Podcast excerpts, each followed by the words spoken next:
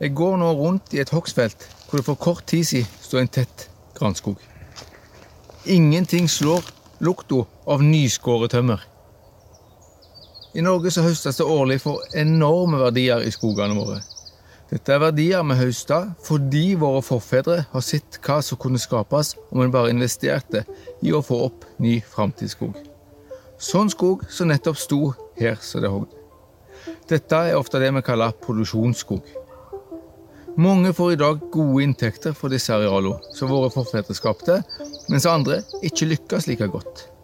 Hva må til for å tjene penger på skogen som skal hogges, og hva må til for at framtidige generasjoner òg skal ha glede av produksjonsskog som gir verdier til eier? Tradisjonelt har skogbruket vært et innlandsfenomen. For skogen langs kysten har inntil nylig vært utrydda av intensivt landbruk. Men nå har vi òg fått produksjonsskog langs den lange kystlinja vi har her til lands. I denne episoden skal vi fokusere på skogbruket sitt på kysten. Hva som må til for at du som skogeier skal lykkes med lønnsomhet, og hva som må til for at skogen skal bidra mest mulig til å binde klimagasser. Mitt navn er Magnus Haugland, og du hører podkasten Bondevenn. Nå skal jeg ut av skogen og inn i hus og kontakte en som virkelig kan skog i kystklimaet.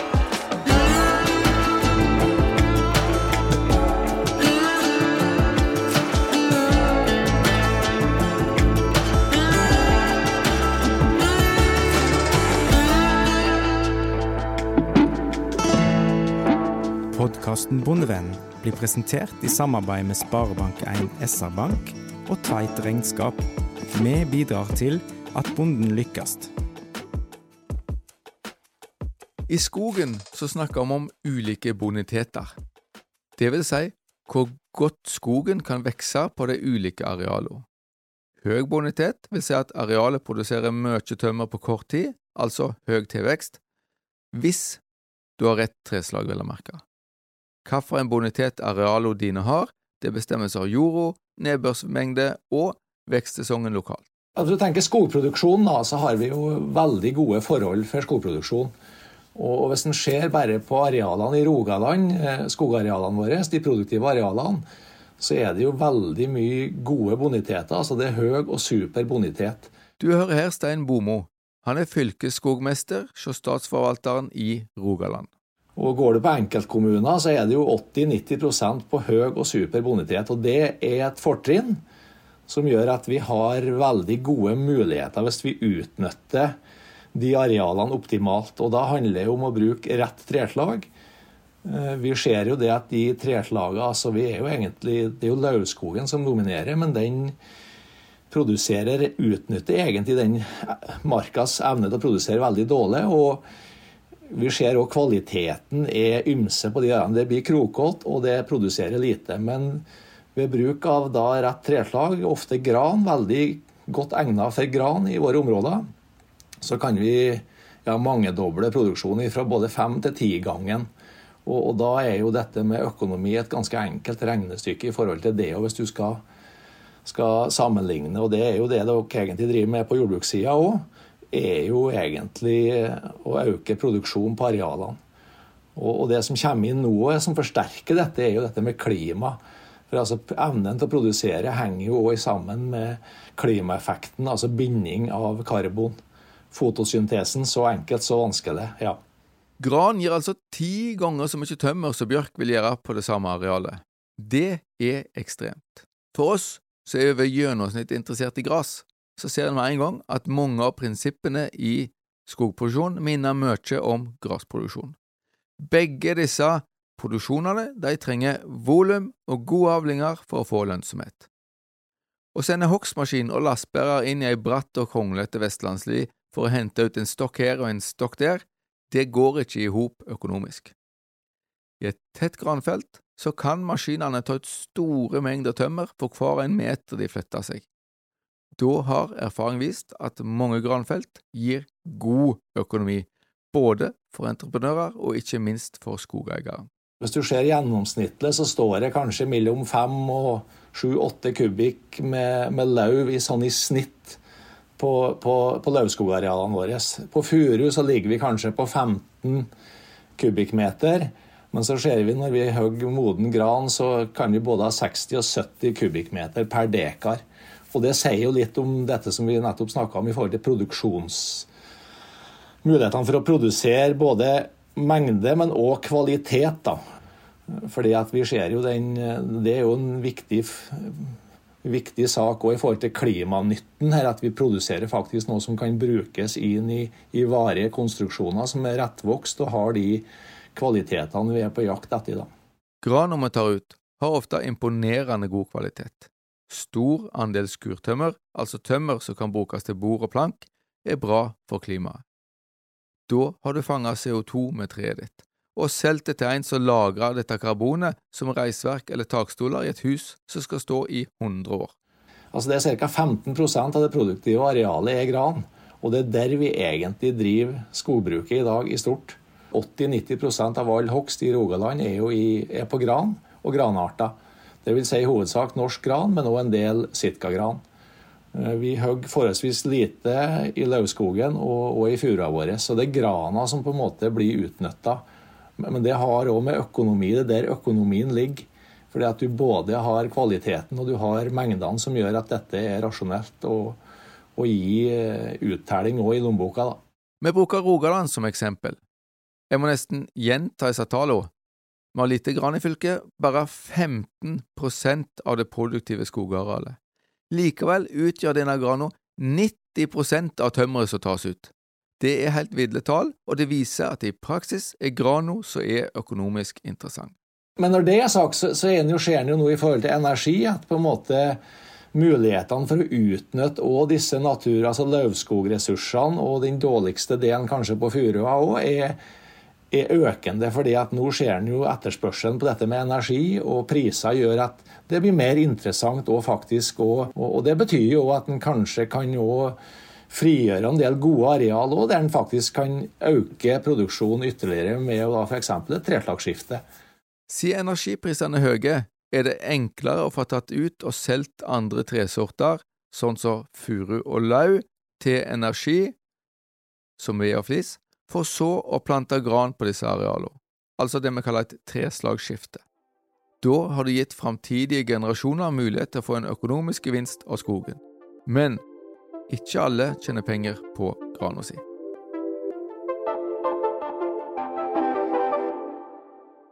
Det er ikke lurt å hogge skogen når, når tilveksten er på topp. Og, og tilveksten f.eks. i en gran på de bonitetene vi har, så, så, snakker vi rundt 50 år, 45-50 år. Det er da hun egentlig legger på seg som mest. Og så ser vi det at en del har vært litt ivrig på å hogge på det tidspunktet. og det det mener vi ikke er lurt. og Venter du f.eks. 20 år og hogger på 65-70 år, så er det snakk om betydelige økonomiske gevinster. Altså det er snakk om En sånn tommelfingerregel så sier vi at du tredobler nettoen på de siste 20 åra. Og Det forteller jo noe om at både kvalitetsutvikling og volumutvikling ligger i siste del av omløpet. Og jeg har vel brukt å sammenligne med oss Det er ingen som sender lamma til slakt i midtsommers. Vi, vi, venter jo selvfølgelig til høsten. Men skogbruk er litt mer langsiktig, så, så eh, her må du, eh, ja, må du vente og være tålmodig. Hogging av skog som ikke hogstmoden, betyr at du hogger før det står store volum på arealet. I tillegg så får du dårligere betalt. Den beste betalingen får du for skur. Enkelt sagt er det fine stokker en nokså stor dimensjon. Til høyere og bredere og eldre treet blir, til flere kvalitetsstokker får du som regel ut av det. Men dette er jo noe laga bl.a. en del veiledningsmateriell, og det er òg laga en kalkulator der du på en måte kan se hva det faktisk betyr i kroner og øre. da. For å gi konkret i kroner og øre, da, så kan du kanskje hvis du hogger på et tidlig tidspunkt, da rundt 45-50 år, så sitter du kanskje igjen med mellom 5000 til 7000 kroner dekaren i, i nettoinntekt på dette. Men venter du da i 20 år, så er du oppe i 15 000-20 000 kroner dekaren i netto på samme arealet. Og da bruker jeg å si det at, uh, til skogeieren hvis du setter de 5000-7000 kroner inn i banken din uh, og venter 20 år, hva, hva får du da? Altså Den forrentningen du har i skogen din, den er såpass stor at du bør heller eh, ta opp et lån i stedet for å gå løs på skogen hvis du trenger penger. Fordi at det er da du virkelig har verditilveksten. Her er igjen fristende å sammenligne med gress. Siden det er veksten som mange er vane med.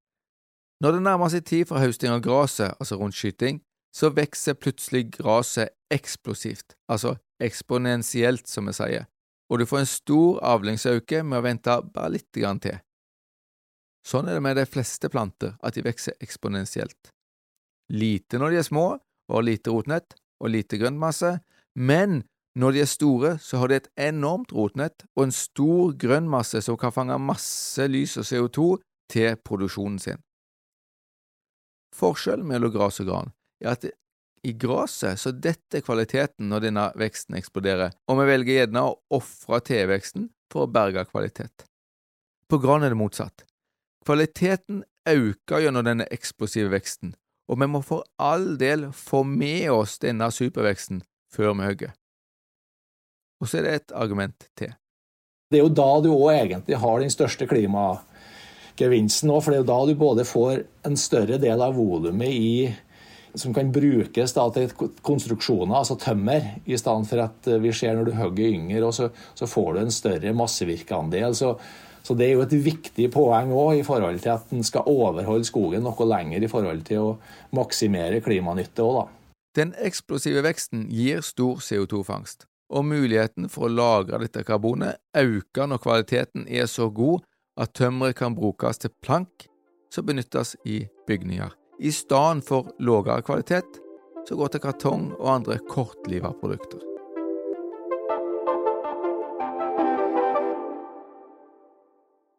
Folk er sjelden borti hogst. Altså det, det, er kanskje en gang i livet Eller ja, det er i hvert fall langt imellom hver gangen. Og det betyr jo at kanskje kompetansen i forhold til hva som er lurt og å gjøre. Og ikke minst i forhold til å kanskje snakke med noen som på en måte ikke har noen økonomiske interesser i dette, at en da forhører seg med flere i forhold til er det lurt å, å hogge skogen nå, eller bør jeg vente. Det veiledningsmaterialet vi har en god støtte, men vi har òg kommuner, statsforvalter nå, er på en måte noen du kan rådføre deg med. og Vi har jo på en måte, der på en måte prøvd å lage en litt sånn kortfatta vi kaller det tømmersalg for dummies, eh, er det faktisk noe som ble produsert her. og Det er på en måte en sånn enkel sjekkliste på hva er du på en måte må, må ta stille, eller vurdere da, før du på en måte hogger. Og Den er ganske god. Den er litt sånn punktvis og enkel å forholde seg til. da, som, og skal være et hjelpemiddel for å gjøre riktige og gode beslutninger. Så en ikke ja, hogger skogen for tidlig, blant annet. Og har du først bestemt deg for å hogge, så er det viktig at du er trygg på at du får en god pris.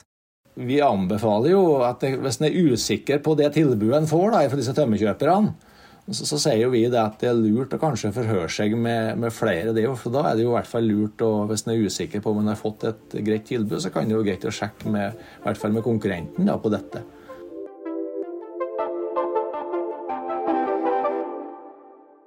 Skal vi kunne se våre etterkommere i øynene, så må vi få opp ny skog når vi har hogd. I skogbruket så heter dette foryngelse, enten en planter eller få opp ny skog på annen måte. Her er det god hjelp å få. Vi har jo på en måte jobba mot entreprenørene, og ikke minst eh, med tanke på å få opp foryngelsesgraden. altså at Vi må plante mer. og Da, da har jo de jo på en måte tatt litt tak i dette. og på en måte Når de inngår avtale om hogst, så, så, sørger en jo for å ta stilling til dette med foryngelse. Og, og, da er det jo sånn at aktørene og tømmerkjøperne tilbyr da hjelp til dette og på en måte til å få utført jobben. Men en kan òg gjøre jobben sjøl for dem som ønsker det. da. Eh, på dette. Men de har folk som eh, ofte utenlandsk arbeidskraft som kan komme inn og gjøre en jobb. Men så ser vi nok det at nå har vi en del lokale og entreprenører. Og det er veldig positivt i forhold til at de lokalt her har folk som kan gjøre den type arbeid. Men, men, vi ser det at eh, vi har ikke nok folk sjøl, lokale folk til å gjøre jobben, så, så, vi er nok litt avhengig av disse utenlandske arbeiderne i forhold til å, til å gjøre en jobb på, på, dette med planting. Eh. Vi kan få opp ny skog på flere måter. Vi kan plante nye trær, eller vi kan markbredde, altså rote jorda for å stimulere til at det spirer frø som allerede ligger i denne jorda. Ja, Når det gjelder planting hos oss, så er det jo egentlig når vi hogger gran i dag, så er det ofte på veldig gode boniteter, altså gode høyproduktive areal. Og da er jo svaret planting. Da er ikke naturlig foryngelse et alternativ. fordi at eh, det er jo utgangspunktet forbeholdt i de lavere bonitetene, der du ikke har så mye konkurranse fra annen vegetasjon. Og du ser jo på Østlandet, på disse furumoene, svakere bonitetene med sandjord. Så er det mer aktuelt å markbrede for å på en måte få opp foryngelse. Markberedning høres så fint ut og har en sett et par videoer på YouTube med maskiner som kjører rundt og bereder, så virker det mye artigere enn å gå rundt med et plantespett og sette ned tusenvis av planter. Og så slipper en jo å kjøpe planter for en liten formue òg. Det er nok mulig her og i til en viss grad, men det er på en måte planting som er oppskrifta hvis du skal lykkes med etablering. Fordi at når du roter i jorda, så får du så mye annet på så gode jord at det, det, kommer opp mye annen konkurrerende vegetasjon som egentlig er med å hemme etableringa. Så, så, derfor er planting oppskrifta. Det er bare unntaksvis vil jeg si at vi markbereder. Det er jo på type furulokaliteter der du har fin furu, og, og, gjerne på litt dårligere mark. Så, så, så skal du få opp ei en fin furufryngel, så, så, er det jo ofte markberedning og frøtre som, som må settes igjen. Eh, men, men, da må en planlegge foryngelser i forbindelse med hogsten. Det nytter ikke å, å hogge flatt og så komme igjen etterpå og si at en skal ha naturlig foryngelse. Du på en måte må ha gode og fine mortre og frøtre som på en måte og at det er en plan bak det. Så, så, Derfor er det så viktig dette med som da aktørene nå tar tak i forhold til å få inn at det blir tatt stilling til foryngelser i forkant.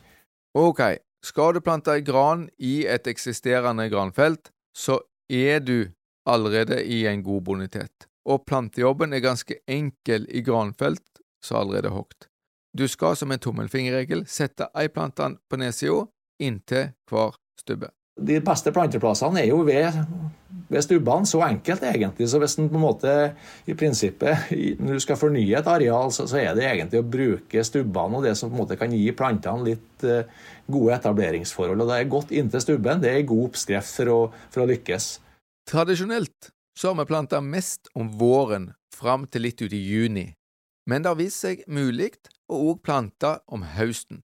Har du veldig mye svulten hjort som napper i alt som er grønt på våren, så kan du risikere at plantene dine blir dratt opp av plantehullet. Så stor hjortetetthet tilsier at en helst bør vente med planting til det begynner å bli litt annet grønt å ete i skogen. Skal du plante på høsten, så bør du ta en ekstra sjekk om plantene er forberedt på det tidspunktet du skal plante, at de er langnattsbehandla, som det heter.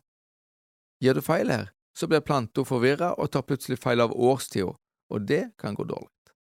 På Vestlandet plantes gran ved hjelp av hålpipa. Det er en stålstav påmontert ei lita pipe nederst, samt en liten kant til å berede jorda litt og hakke litt der det trengs. Når hålpipa trykkes ned i jorda og trekkes opp igjen, så har hun skåret ut et hull som passer perfekt til ei pluggplante.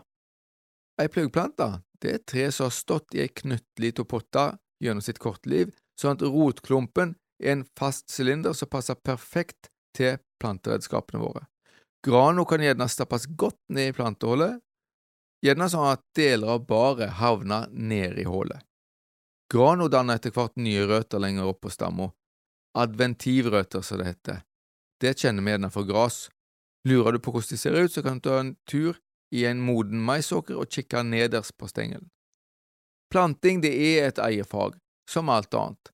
Normalt så leier inn folk til å gjøre jobben, men skal du gjøre det sjøl, bør du skaffe deg kunnskap. Det fins en del på nett, blant annet skogkurs.no, som har både skriftlig materiale og YouTube-videoer. Rådene som gis, er basert på imponerende grundig og langsiktig forskning. Bare i Rogaland har vi jo mellom, ja, vi har mellom nærmere 100 felt, forsøksfelt. Nå er det kanskje ikke alle som er aktive lenger, men vi har i hvert fall mellom 50 og 70 som fortsatt langsiktige produksjonsforsøk. Det blir gått inn og målt hvert tiende år for å se på ulike treslag, provenienser, plantemateriale, hvordan produserer, kvalitet og det. Så, så, så det er på en måte det vi det faglige grunnlaget i forhold til Så vi har egentlig Når vi går ut og gir råd, så er det jo basert på at vi på en måte har dette basert på, på kunnskap og forskning over egentlig ganske lang tid. Og vi ser at dette, er, dette, virker, og det virker godt. Og det er klart, nå høster vi jo på dette òg, så, så, vi ser jo hva verdiskaping og, og kvaliteter vi faktisk òg har. Når vi diskuterer plantemateriale, så snakker vi ofte om proveniens. Proveniens er rett og slett hvor frøet er henta fra. Planter vil vokse ulikt etter hvilket klima frøet ble laga i, og ikke bare hvilke egenskaper foreldrene hadde. Så skal du plante ei gran, så har du altså mye å velge mellom. Her bør du få hjelp til å velge rett for ditt plantefelt. Snakk gjerne med skogansvarlig i kommunen eller ditt skogeierlag. Private entreprenører kan òg i en del tilfeller gi råd i forbindelse med planting. Det som er litt spennende, er den utviklingen som har skjedd innen plantematerialet.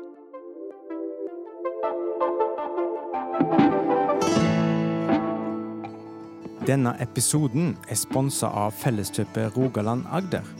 Felleskjøpet arbeider hver dag for din lønnsomhet som bonde, og for lokal og norsk matproduksjon. Ta kontakt med en av våre konsulenter, eller gå inn på nettsidene våre bondekompaniet.no. Vi har et veldig bra materiale nå der vi kan dokumentere både kvalitet og produksjon på. For du kan si Det som ble gjort den gangen da skogreisninga starta, så var det jo et ganske stort eksperiment der en testa ut forskjellig. Nå har en på en måte tatt det beste og, har gjerne og bruker gjerne dette foredla inn i frøplantasjer, der en på en måte har, plukka ut plysteret og på en måte har en, en helt annen dokumentasjon på kvalitet. Så vi har egentlig et ganske godt system i dag. Og det er jo kommunene og, det er jo klare anbefalinger hva type plantemateriale du skal ha i de ulike områdene og høydelagene. Og ikke minst nå i forhold til de klimaendringene òg, at en har et materiale som er mer klimarobust eh, i forhold til det klimaet som venter oss. da. Men det er klart, kysten her er jo, sånn som det ligger an, så er vi vel velsigna med, med mer regn og nedbør. Og det passer jo bl.a. granartene egentlig veldig godt. Mens vi ser da f.eks. i Europa, der de planta gran, der du får tørke og sånne type endringer, så, så tåler jo grana det ganske dårlig, egentlig. Så, så, vi har egentlig et veldig godt utgangspunkt hvis vi gjør gode valg nå i, i dag. Aldri så galt at det ikke er godt for noe. Før i tida så het et ordtak at når forandringens vind blåser, så bygger noen vindskjerm, mens andre bygger vindmøller. Dette ordtaket passer perfekt for deg som skogeier. Du kan altså forvente en betydelig bedre tilvekst på de plantene du setter ut, enn den skogen du hogde. Ikke bare fordi plantematerialet er bedre, men de siste åra har bedra klima allerede økt tilveksten mye i den norske skogen, og gran på Vestlandet vil altså vokse enda bedre i framtida enn hun gjør i dag. Du har da, etter regelverket, så har du jo tre år på deg å med å få arealene i ny produksjon igjen. Etter lovverket så har du altså tre år på deg på å plante til det du har hogd, og rent økonomisk så lønner det seg egentlig å få planter i jorda raskt, sånn at feltet igjen kan starte å produsere. I tillegg er grano da raskt i gang med å konkurrere mot annen vegetasjon. Men de små granplantene har én stor fiende som kompliserer det hele – snutebilla som står klar til angrep etter hogst. Vi har eh, litt utfordringer enkelte plasser med snutebiler, men eh, så er denne avveiningen alltid så Det er ikke noen sånn fasit med, med to streker under. fordi at eh, hvis på de beste arealene, hvis du venter for lenge, så drar du på deg et ugrasproblem, altså problem med konkurrerende vegetasjon, altså bringebærris og den type ting som er med å lage kløl. Så, så det, det, er i hvert fall å prøve å finne en balanse her, da. Men, men, i utgangspunktet, hvis en da har problemer med snutebiler, så kan det være vent, lurt å vente da, til tredje, tredje året og plante da. For, for de, disse billene de er sånn at de borer seg inn i, i, ferske stubber, og så svermer de året etterpå. Så du har egentlig den, Hvis du har, du har det største trøkket egentlig på år to, da og, og, så avtar dette. Så hvis du da venter på, på tredje året, så kan det være ei, ei god oppskrift og en, en, grei måte å gjøre på. Men dette er litt avhengig, litt forskjell på arealene. ser vi Hvis det er veldig aggressivt med opplag, så, så er, kan det være lurt å komme i gang kjapt òg. Og, og, vi ser nok det der det foregår mye hogster rundt, så betyr jo at du genererer mye snutebillemat eh, som gjør at trøkket blir lokalt større. Så, så så vi ser nok det av og til når du går inn i mer jomfruelige områder og gjør én hogst, så, så, er ikke dette kanskje med snutebiller et problem overhodet, for da har du egentlig ikke drevet og avla opp en, eh, en stor eh, bestand av biller. Så, det er noen sånne faktorer også, som jeg tror spiller inn, som vi ser. For av og til så går det helt fint å komme raskt i gang òg. Og Det er klart, det handler om å komme i gang med produksjon, så, så en bør jo ikke vente for lenge. og som sagt, Tre år er jo på en måte grensa da, i forhold til de kravene som gjelder i dag. Det er flere tiltak en kan gjøre mot snutebiller. Plantene bør være voksa, altså at de har fått et lag med voks rundt rothalsen, sånn at billa ikke kommer til. I tillegg vil ei kraftigere plante tåle litt mer. Granplanter kan kjøpes som både ett- og toåringer. Og I forhold til ettåringer, toåringer, så, så, er det jo noe med Vi ser jo det med å ha robuste planter kan være lurt. Og ikke minst i forhold til snuteproblematikken, ikke sant? for de gnager jo på rothars. Og har du da f.eks. ettåringer som kanskje der du på en måte rotdiameteren er, er, forholdsvis liten, da, så, er klart er de mer utsatt hvis du har stort skaderøk. Så så det et, og det gjelder også i forhold til konkurranse i forhold til annen vegetasjon. At du har planter som har kommet godt i vei, gjør jo at du har et fortrinn. Så, og selv om du, men det er jo en prisforskjell her. da, Det er kanskje snakk om 50 øre opp på en, eh, fra en ettåring til toåring. Det er kanskje noe høyere, at du kanskje en stas nærmer deg kanskje kroner i ekstrakostnader. Men, men det kan fort betale seg i forhold til at du får du sikrer deg en god etablering med en gang du unngår dette med supplering, bl.a. hvis du må ettergå i forhold til å få en grei tetthet på dette. da. Toårige planter er kraftigere og dyrere enn ettårige. I tillegg så er det forskjell på størrelsen på rotklumpen. De aller fleste planter har rotstørrelse som benevnes M95. Det finnes òg M60, som en større rotklump til større tall til mindre rotklump. Årsaken er at tallet egentlig forteller hvor mange planter det er plass til på hvert plantebrett. Det betyr altså at standardplanta M95 blir dyrket fram med 95 planter per plantebrett. Når disse kommer til gards, kommer de derimot ferdigpakka i kasser med 500 planter i hver. Innen granplanter finnes det en sort som overgår alt annet i evne til å produsere ekstremt mye. Det er sikkergrano. Det er en gransort som både vokser veldig fort og som gir veldig sterkt og godt virke. Sitkagrana er jo på en måte jo, eh, Hvis du sammenligner den og norsk gran, så, så sier jo forskninga at du har kanskje i snitt 50% større produksjon på den. Og kvalitetsmessig, hvis du gjør de riktige skogtiltakene, bruker riktig plantemateriale, så, så, så skjer jo det at uh, den gir veldig god avkastning. Uh, og fanger jo, er jo den største CO2-støvsugeren vi har, det er jo ingen tvil om det. fordi at hun, hun produserer godt og er rettvokst og gir òg tømmer av god kvalitet. da. Og, når vi sier det, så er det jo fordi at vi har mye, veldig mange forsøks, langsiktige forsøksfelt på produksjon. Og det er ikke så uvanlig når vi har forsøk som står side om side, altså med norsk gran og sitka, så, så kan vi se forskjeller på dobbelt så høy produksjon på sitkaen. Og det er klart, Du har den samme etableringskostnaden, og, det er klart, når du begynner å regne økonomi, da, så er det klart eh, Så hun har noen fortrinn, den òg, i forhold til Og hun er jo et, på en måte et kysttre som er enda mer stormsterk, da, så hun har noen eh, fortrinn som eh, gjør at hun Og bl.a. tåler saltråk og den type ting, som gjør at hun, hun er veldig godt egnet mer i de ytre områdene, og ikke minst i forhold til at vi får et tøffere klima. så kan den òg brukes litt smart i forhold som vindskjerm, og, og ble jo òg delvis brukt til det. Det må òg nevnes at siden sikkergrana er så godt tilpasset kysttrykk, så har vi en del eksempel på at hun sprer seg i kystlingheier og andre områder hvor det ikke er skog fra før. Sikkergrana har spisse nåler, og fra min egen barndom så husker jeg godt at sikka var det minst populære treslaget å plante siden hun stakk så mye.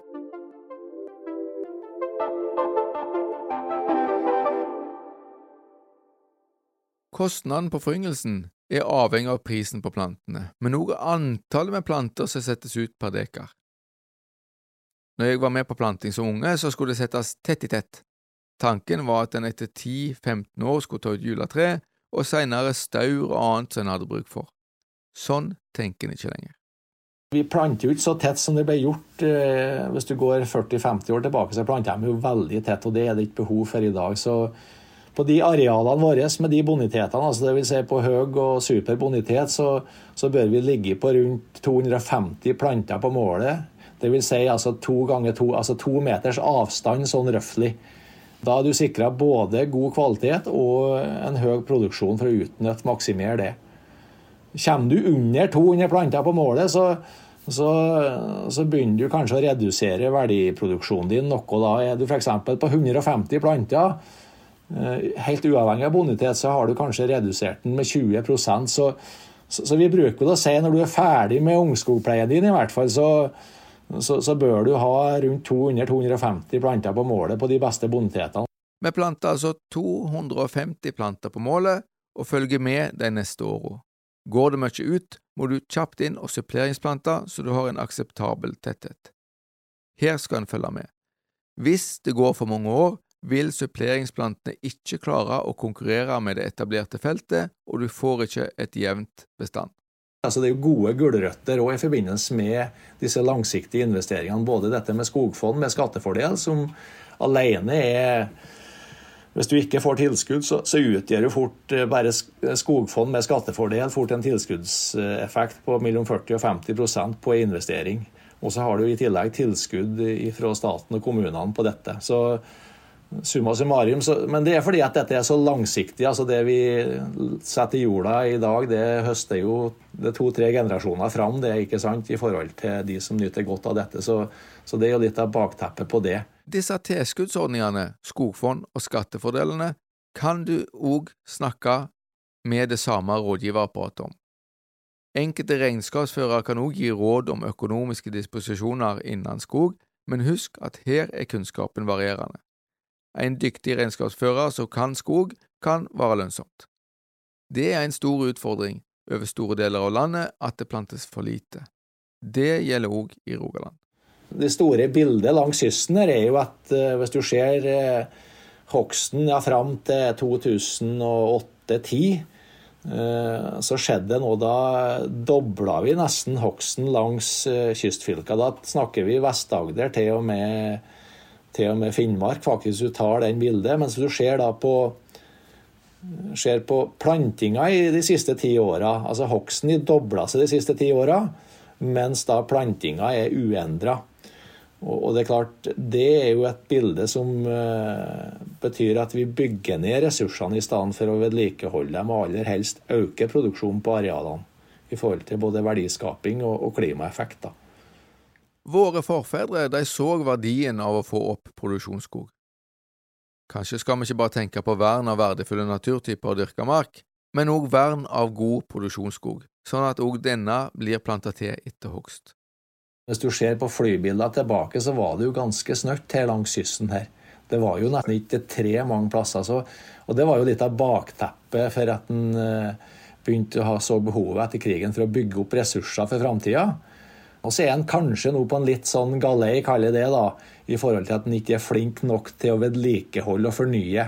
At han på en måte Han hogger jo den beste skogen, men han sørger ikke for å få opp tilsvarende skog. og det, Hvis du ser i et bærekraftperspektiv og for en næring, så er jo ikke det optimalt. Det, snakkes om jordvern, men, men skogvern, kaller det da, i, i gåseøyne, er jo like viktig for, i, for skognæringa i forhold til både verdiskaping og klimaeffekten. At en har tar vare på produksjonsarealene. Og så er det nok større fokus nå framover på når arealer selvfølgelig må tas i bruk til beiter og dyrkingsareal, at en kanskje burde da kompensere og sørge for å kanskje plante til å opprettholde produksjon på plasser der det ikke er i konflikt med det eller behov for det. Da, at en da avbøtende tiltak da, for å opprettholde produksjon og kvaliteten på, på framtidsskogen. Men si nå at du har fått planta som du skulle, og da skal plantefeltet deretter gjennom en ganske kritisk fase som vi kaller ungskogfasen. Ungskogen er sårbar for konkurranse fra annen vegetasjon. Spesielt på gode boniteter vil lauvskog vokse ganske villig og i starten fortere enn smågranene. Denne lauvskogen vil kunne konkurrere ut og ødelegge mange av trærne som du har planta, så her kreves det pleie, det vi kaller ungskogpleie. Til dette finnes gode støtteordninger, be gjerne om en befaring med ansvarlig i kommunen før du setter i gang tiltak. Si nå at du har fått gran og gjennom ungskogfasen i tillegg. Hva gjør du da? da kan du egentlig glemme eh, grana. Da klarer hun seg godt sjøl hvis du på en måte har fått deg over denne kritiske fasen. Eh, så er du sikra et godt resultat. Så, så, gjør jobben med ungskogpleie, og så kan du egentlig glemme henne i 50 år. Eh, så kan hun stå. Fantastisk. Skal vi virkelig ikke drive med noe form for tynning i skogen? På gran så er det noe vi egentlig fraråder. Gjøre ungskogpleien din. mens på lauvskog og furu, så, så, er det aktuelle tiltak. For det må du gå inn og åpne opp og gi mer plass i forhold til å få en optimal utvikling, da. Ok, på Vestlandet så frarådes det å tynne i gran. Planter du fåra og lauvskog i stedet for gran, så må det følges mer opp. Når du kommer da på furu og løv, så, så ser vi at det krever jo mye mer skjøtsel og oppfølging videre i omløpet. Da må du inn med tynning, kanskje én-to ganger for å på en måte få en eh, Så den er mer arbeidsintensiv for å lykkes med å, maksimere produksjonen på furu og lauv. Så, så, det er den store forskjellen egentlig i forhold til at grana er lettstelt, som vi sier da. Og passer kanskje mange i forhold til at hun, hun er enkel, da. Eh, og du er sikra et godt resultat. Sånn er det ikke med, med lauvet. For vi ser jo det Vi har en del lauvareal som som gror igjen. Og, og, det er klart, når de står helt tette, disse lauvarealene, og du ikke kommer inn, så, så, på en måte det blir bare en liten dusk i toppen. og Hvis du da f.eks. går inn og fristiller de, så, så ender du fort med ja, første snøfall. Vi har jo snø av og til, så, så, så står det som noe pilbogway, og du har på en måte, du må tidlig inn for å skape lys og stabile tre. da. Skal en gjøre noe med avstanden på trærne, så må det altså gjøres tidlig. En av grunnene til at det ikke anbefales tynning på Vestlandet, er at det øker faren for skade på rothalser, og da vil vi få råte i grana når en tar ut virke. Men det er ikke bare maskiner som kan gi skade og råte i granskogen. I forhold til store, tunge dyr så er det ofte en dårlig kombinasjon å ha de inne i skog, fordi at de lager mye såring og skader på rotsystemet, og det betyr at du får eh, inngangsporter til råte. Sau og lettere dyr vil jo være mer uproblematisk i forhold til det. Når det gjelder hjorten nå, så, er det litt annen type skade. jo dette med barknag bl.a. Som, eh, som vi ser eh, gjøres en god del plasser som kan være en utfordring. Hva så når beitedyr gjør skade på skogen? Det kan ofte se ganske dramatisk ut. Er det bare å hogge ned hele skogen og prøve på nytt? Tommelfingerregelen på råte er jo enten det gjelder rotråte eller barksknag av hjort, er at det skal være ganske store skader før du likevel lønner seg å, å hogge tidlig. da. Fordi at her, Du har likevel høy produksjon i, i feltene, og det oppveier litt for de skadene. for eh, det er litt ulike sopper som er kobla til Sånn som på hjorten så er det noe som kalles topperåtesopp, som går inn i de skadene. og Den går ikke så høyt opp i stammen. så så når du på en måte du kan få en infeksjon der som uh, gjør at du må, kanskje må kappe ut en, en tremeter, men så er det friskt videre opp. da. Uh, men som sagt, rotråte har vi òg, men ikke, det er ikke det store problemet. Men, men det får vi òg med å gå inn og, og, gjøre tiltak som skader bark og, og rotsystem. da. Ja, Den jo forringer jo, altså ødelegger blir jo at du på en måte må kappe ut eh, enten en tre- eller en femmetring i forhold til hvor langt utvikla den råten og den kryper jo kanskje noe lenger kan gjøre òg. Men, men, det har med tid og når på en måte hvor lenge den har fått utvikla seg. da. Og den jo er jo en verdiforringelse selvfølgelig hvis en eh, får den òg inn. Råte og skade på skogen er altså ofte ikke grunn nok til å hogge tidlig. Hvordan ser en om skogen fortsatt vokser bra, og at han faktisk ikke er hogstmoden. Det er jo i hvert fall noe som, som skogeieren kan se på, er jo dette med, om det er god vekst i skogen. Det er jo hvis det er frisk og god farge på baret. og eh, når det er en halvmeter toppskudd, så er det jo ingenting som tyder på at altså, du har spisse kroner. Det er ingenting som tyder på at veksten har stagnert. Snarere tvert om. Her er det et, eh, det er et godt signal på at dette er i veldig fin utvikling og høy produksjon. Og som vi lærte tidligere i episoden, stor skog som vokser bra, legger på seg ekstremt mye per år. Så da skal den ikke hogges. Ser vi derimot det motsatte, at toppskuddene begynner å bli korte, og at grana ikke lenger er spiss i toppen, men begynner å flate ut i toppene, da er det et tegn på at veksten avtar. Da skal du vurdere hogst. Dette skjer seinere på Vestlandet enn andre plasser i landet. Hvis du sammenligner våre områder som egentlig er ideelle for, for norsk gran, da, så viser det at vi har en mer utholdende vekst langs kysten. Og det har med at vi har tilgang på nedbør og lang vekstsesong, som gjør at vi ser at uh, det her kurvene til produksjon altså vi, vi, har en høyere produksjon lenger enn du har f.eks. på Innlandet.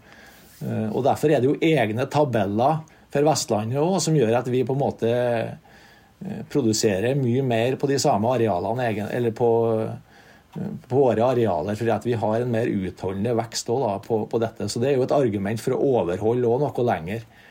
Altså Hogstpraksisen i Rogaland gjør at vi hogger jevnt over lenge før det er hogstmodent. Og det, det, er ikke bra for lommeboka, det er ikke bra for klimaet heller. så... Vi hogger granskogen altfor tidlig, både for lommebok og klima. I Norge har skogen tatt over det meste av utmarka de siste ti åra. Denne skogen blir eldre og eldre, og gammel skog binder ikke CO2. Årsaken er at det råtner like mye som det tas opp i sånn skog. Produksjonsskogen den tar opp enorme mengder CO2. En kan egentlig ganske enkelt regne ut hvor mange kubikk tømmer det er, og dermed finne ut hvor mye karbon som er lagra. Gran er, på grunn av sin store produksjon, en einer innen CO2-fangst. Sånn i snitt i Rogaland, så ved å plante til et godt areal, så kan du, kan du regne med en gjennomsnittlig produksjon på 1 kubikkmeter per dekar år i all framtid hvis du planter til å bruke riktig treslag. Og én kubikkmeter den fanger sånn i ca. mellom 1,5 til 1,8 tonn CO2 per år i all. Altså Hvis du har ett dekar, så i gjennomsnitt over Hvis du fornyer og hogger det, så, har du den gjennomsnittlige produksjonen hvert eneste år. Over et langt perspektiv. Opp mot 1,8 tonn CO2 per år bindes altså per dekar granskog. Det er det samme som en gjennomsnittlig inder slipper ut per år. Til sammenlikning så slipper en nordmann ut 7,7 tonn per år. En nordmann må altså da ha fire til fem dekar granskog for å suge opp sitt karbonavtrykk. Så du hører, så er Stein Bomo veldig tydelig. Grano gir høyest klimagevinst, lønnsomhet og størst produksjon. Det er nok veldig godt tilpasset klimaet vi har og kommer til å få her på Vestlandet.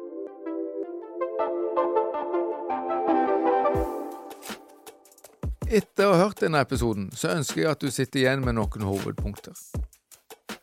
Selv om det er lite gran på Vestlandet, så dominerer denne grano totalt skogbruket. Og det er fordi det er grano som gir lønnsomhet. For å få lønnsomhet i skogen din, så må du ha is i magen og la skogen vokse seg skikkelig hogstmoden. Det finnes gode støtteordninger for å plante ny skog og stelle denne gjennom ungskogfasen. Bruk disse. Når skogen er ferdig med etableringsfasen og ikke lenger kalles ungskog, kan du glemme den i 50 år. Da skal den hogges og gis et greit utbytte, hvis du har planta gran, vel å merke. Du har hørt podkasten Bondevenn. Mitt navn er Magnus Haugland, og episoden er spilt inn i ABC Studio i Etne. Lyd ved Stig Morten Sørheim. Takk for at du hørte på Skogpraten.